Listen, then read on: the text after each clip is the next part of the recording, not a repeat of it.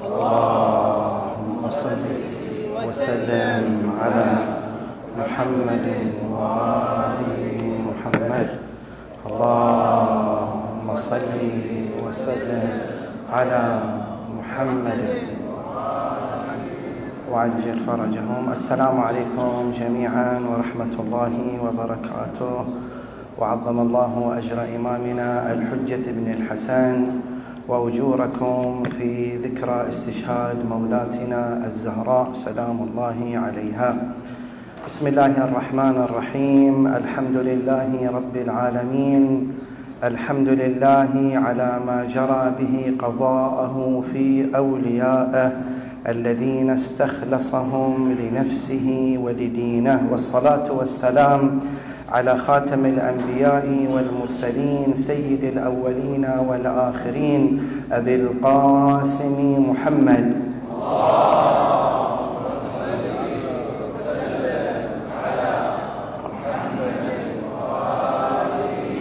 وعلى وصيه أمير المؤمنين علي بن أبي طالب وعلى ابنته سيدة نساء العالمين فاطمة البتول.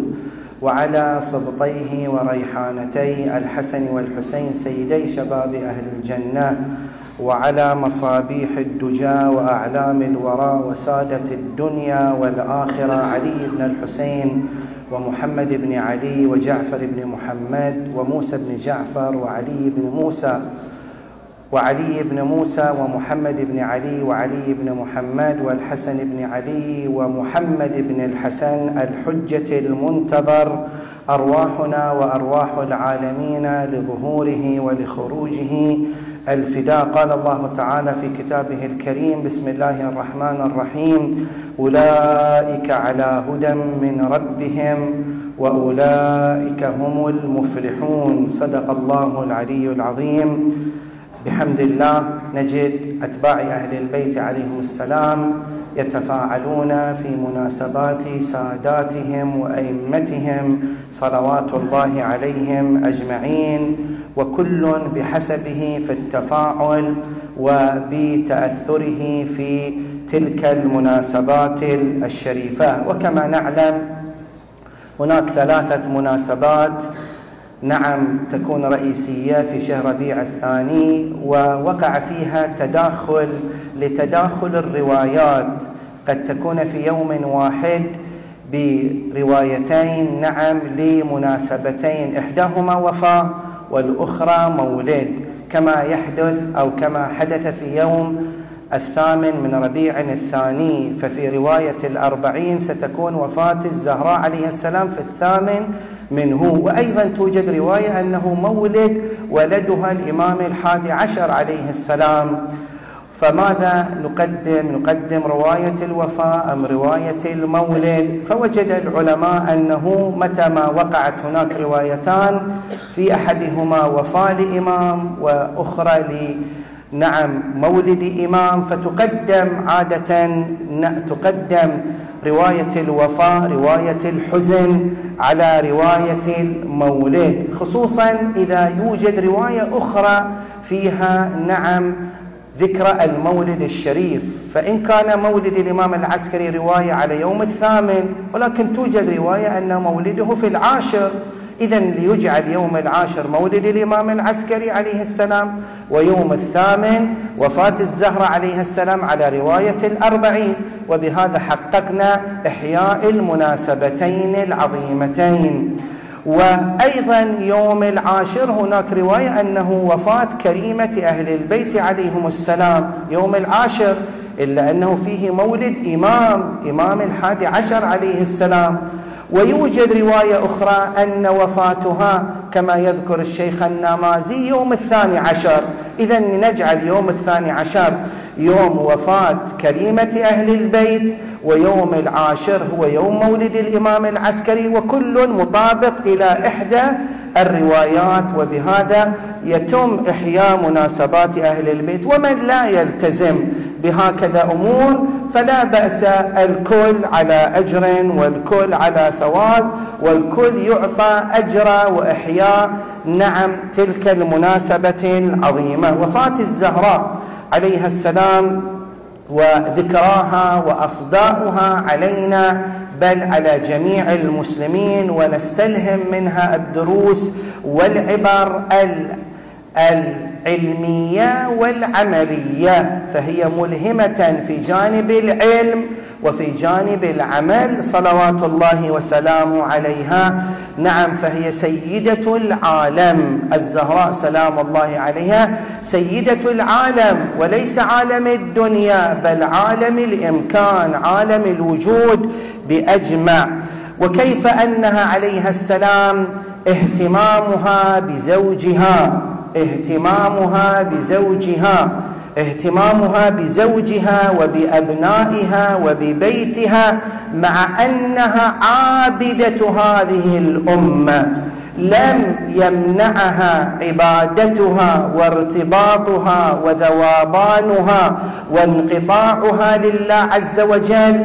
أن لا تؤدي حق زوجها وأن لا تؤدي حق أولادها أو أن لا تؤدي حق بيتها بل أنها أدت حقوق الزوج بأقصى مراتب ما يؤدى حق الزوج وأدت حق أولادها بأقصى مراتب ما تؤدي الأم حق أولادها واهتمت في بيتها تنظيما وترتيبا وتنسيقا وإعدادا بيت الزهراء عليها عليه السلام. وشهد بذلك من؟ زوجها أمير المؤمنين سلام الله عليه بأنها نعم نعم الزوجة المطيعة الغير مقصرة في أي شيء من حق الزوج ومن حق البيت ومن حق الأولاد.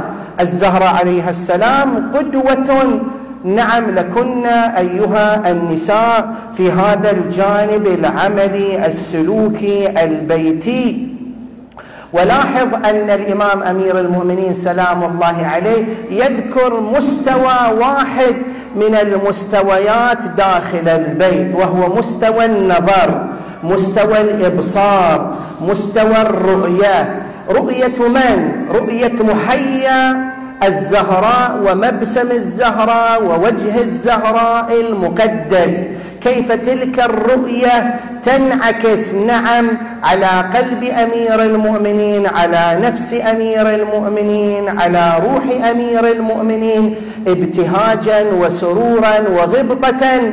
بل أن تلك الرؤية بذلك المهي بتلك المحيا وبذلك الوجه القمري الزهري صلوات الله وسلامه عليها كيف أنه يزحزح القلوب والكروب نعم والهموم عن نفس زوجها. إذا الزهراء عليها السلام في هذا الجانب هي قدوة لنسائنا وقدوة لنساء الدنيا صلوات الله وسلامه عليها. كيف أنها مع كل مرارة الدنيا ومع كل مصاعب الدنيا إلا أنها لم تسمح أن تؤثر على علاقتها بزوجها أبدا. كيف أنها وهي نعم تحت مظلة توجيهات سيد الوجود وأشرف الكائنات أبي القاسم محمد.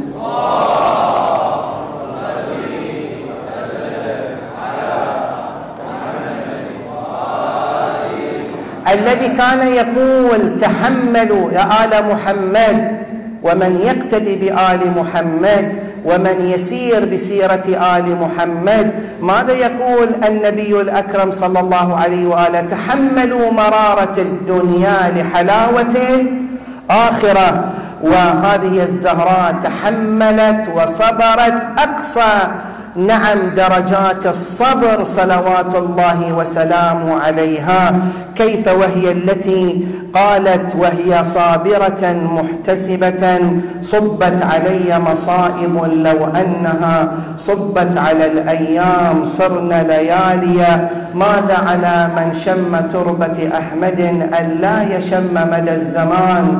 غواليا ما معنى غواليا غوالية يعني الطيب الفاخر الذي يبقى أثره وطيبه نعم مدة طويلة. ولكن طيب تراب النبي تراب أحمد صلى الله عليه وآله لا يساويه أي عطر. فماذا من شم على من شم تربة أحمد؟ أن لا يشم. مدى الزمان؟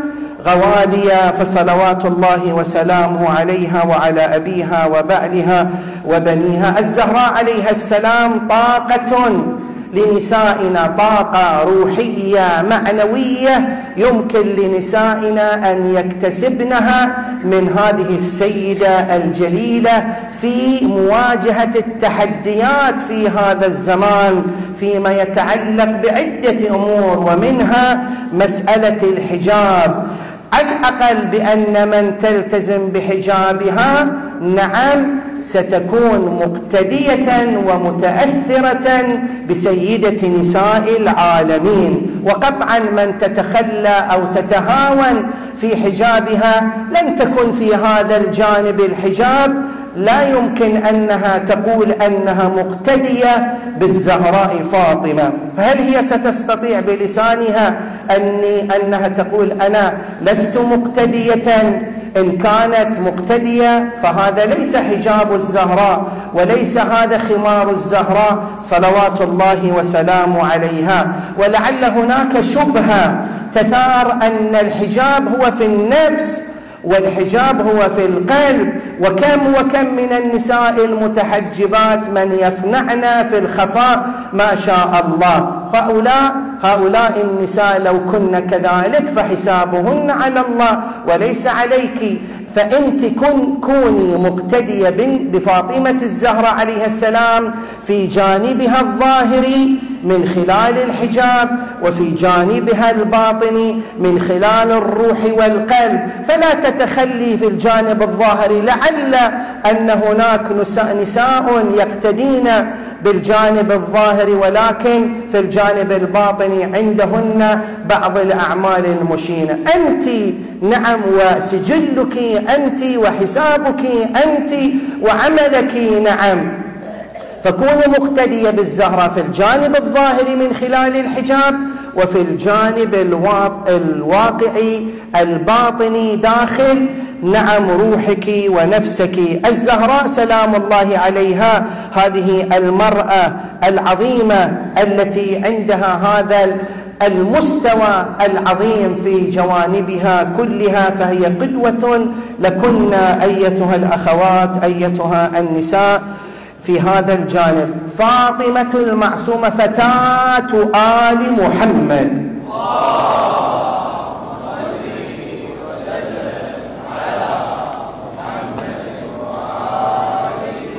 هي فتاة أهل البيت هي كريمة أهل البيت. عليهم السلام. فجدير بالفتيات المؤمنات بأن يقتدين بهذه الفتاة العظيمة عظيمة المنزلة عظيمة المرتبة عظيمة الأوصاف. سلام الله عليها. يقتدين بها في علمها في معارفها في ثقافتها الواسعة. نعم مذهب أهل البيت عليهم السلام عليه السلام يريد نعم فتيات مثقفات ثقافة واسعة. ولكن أي ثقافة؟ ثقافة إسلامية.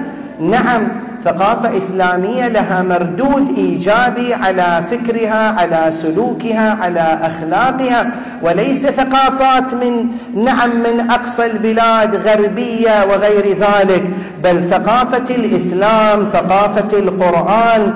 لاحظ لاحظي أيتها الأخوات فتاة أهل البيت كريمة أهل البيت فاطمة المعصومة وعلاقتها بربها بنبيها بأبيها أمير المؤمنين بجدتها الزهراء بجديها الحسن والحسين فكأنها تقول وهي مفتخرة من النبي المختار محمد.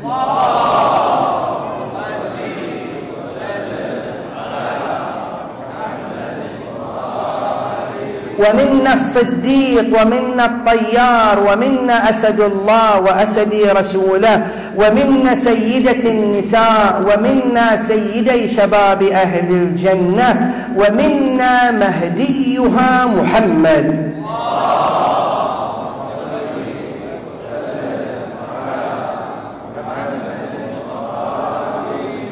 فإذا كان منا وعندنا هذه القدوات العظيمات وهذه النماذج الكبيرات فهل يكون هناك فراغ كي تتعلق القلوب والأرواح والنفوس بهؤلاء المسميات بنجوم كذا وكذا في عالم كذا في عالم كذا؟ لا بل يبقى الاقتداء الأول والأخير الذي له مردودا علي في عالمي الدنيوي هو هؤلاء أكمل الناس أشرف الناس أفضل الناس أقرب الناس إلى الله عز وجل. وفي الختام نسمع ونحن في هذه الليلة على مائدة إمامنا الزكي العسكري أبي محمد صلوات الله وسلامه عليه كيف أنه يقول اتقوا الله وكونوا زينا لنا ولا تكونوا شينا علينا جروا إلينا كل مودة وادفعوا عنا كل قبيح فإنه ما قيل فينا من حسن فنحن أهله هم أهله وأصله وفرعه ومعدنه. فنحن أهله وما قيل فينا من سوء فما نحن أبدا فما نحن كذلك. فصلوات الله وسلامه عليهم أجمعين. من المسائل السريعة البعض يقول يقع على نعم بعض الأشخاص حوادث مرورية ويكون صاحب نعم أحد أطراف الحادث ما عنده نعم آه، ما عنده رخصة في السياقة فيصير هناك تبديل. هل هذا العمل شرعا مقبول؟ أولا لا شك أنه فيه كذب والكذب حرام. وثانيا فيه مخالفة نظام. فما يأتيك من مال مثلا بدل الحادث مردود عليك من شركة من شركة التأمين فهو سيكون مصداق أكل للمال بالباطل. فتحمل أن يؤخذ مخالفة أنه لا يوجد عنده. نعم رخصة سير أهون من أنك تأخذ مالا. بالباطل. وهذا النظام في مخالفة النظام والنظام مصلحة جميع النظام مصلحة للجميع. البعض يسأل يقول في أيام صغري كسرت كذا دخلت البقالة وأنا صغير وأخذت بعض الأشياء ولم أحاسب عليها بل وضعه في جيبها. وأيام كنت ألعب كرة وقد ضربت بالكرة نعم أحد نعم الأصدقاء أو أحد اللاعب متعمدا فأثر على بدنه بالإحمرار وغيرها. حوادث وقعت علي وأنا في الصغر رفع القلم عن إحداهما عن الصغير فهو لم. لم يسجل عليه إثم وحرام لأنه صغير. ولكن هناك أحكام وضعية. المال الذي أخذه من البقالة الشيء الذي كسره سواء خارج البيت داخل البيت يبقى نعم حكمه في ذمته. أيضا إذا ضرب أحدا بالكرة متعمدا إذا كان غير متعمد شيء آخر نعم بل متعمدا أو غير متعمد وبان أثر الإحمرار فهذا فيه انشغال للذمة نعم في الديات. الآن ماذا يصنع؟ الجواب إن كان يعرف هؤلاء صاحب البقالة أو ذلك الشخص الذي كسر منه الشيء الفلاني أو ذلك الشخص الذي ضربه أو ذلك الأستاذ الذي ضرب نعم بعض تلامذته ومرت السنون فكيف يتخلص؟ إن كان يعرفهم يستسمح منهم إن كان لا يعرفهم يذهب إلى الوكيل الشرعي أو إلى الحاكم الشرعي ولا لابد أن يقول أنا. ممكن يقول مسألة عامة إذا ولد صغير وقع منه كذا وكذا فما هو حكمه؟ فسيقول هناك دية مقدار الدية ستذكر فيأخذ الإذن من الحاكم الشرعي أو وكيله ويوصلها إلى الفقير بالنيابة عن ذلك الشخص الذي لا يعرفه بسبب السنوات الماضية كي يبرئ ذمته من هذه الأمور. نسأل الله عز وجل أن يعجل فرج إمامنا الحجة وأن يرحمنا ويرحم أمواتنا ويقضي حوائجنا ويشافي مرضانا ويدفع البلاء عنا ويكحل أبصارنا بنظرة من إمامنا القائم من آل محمد.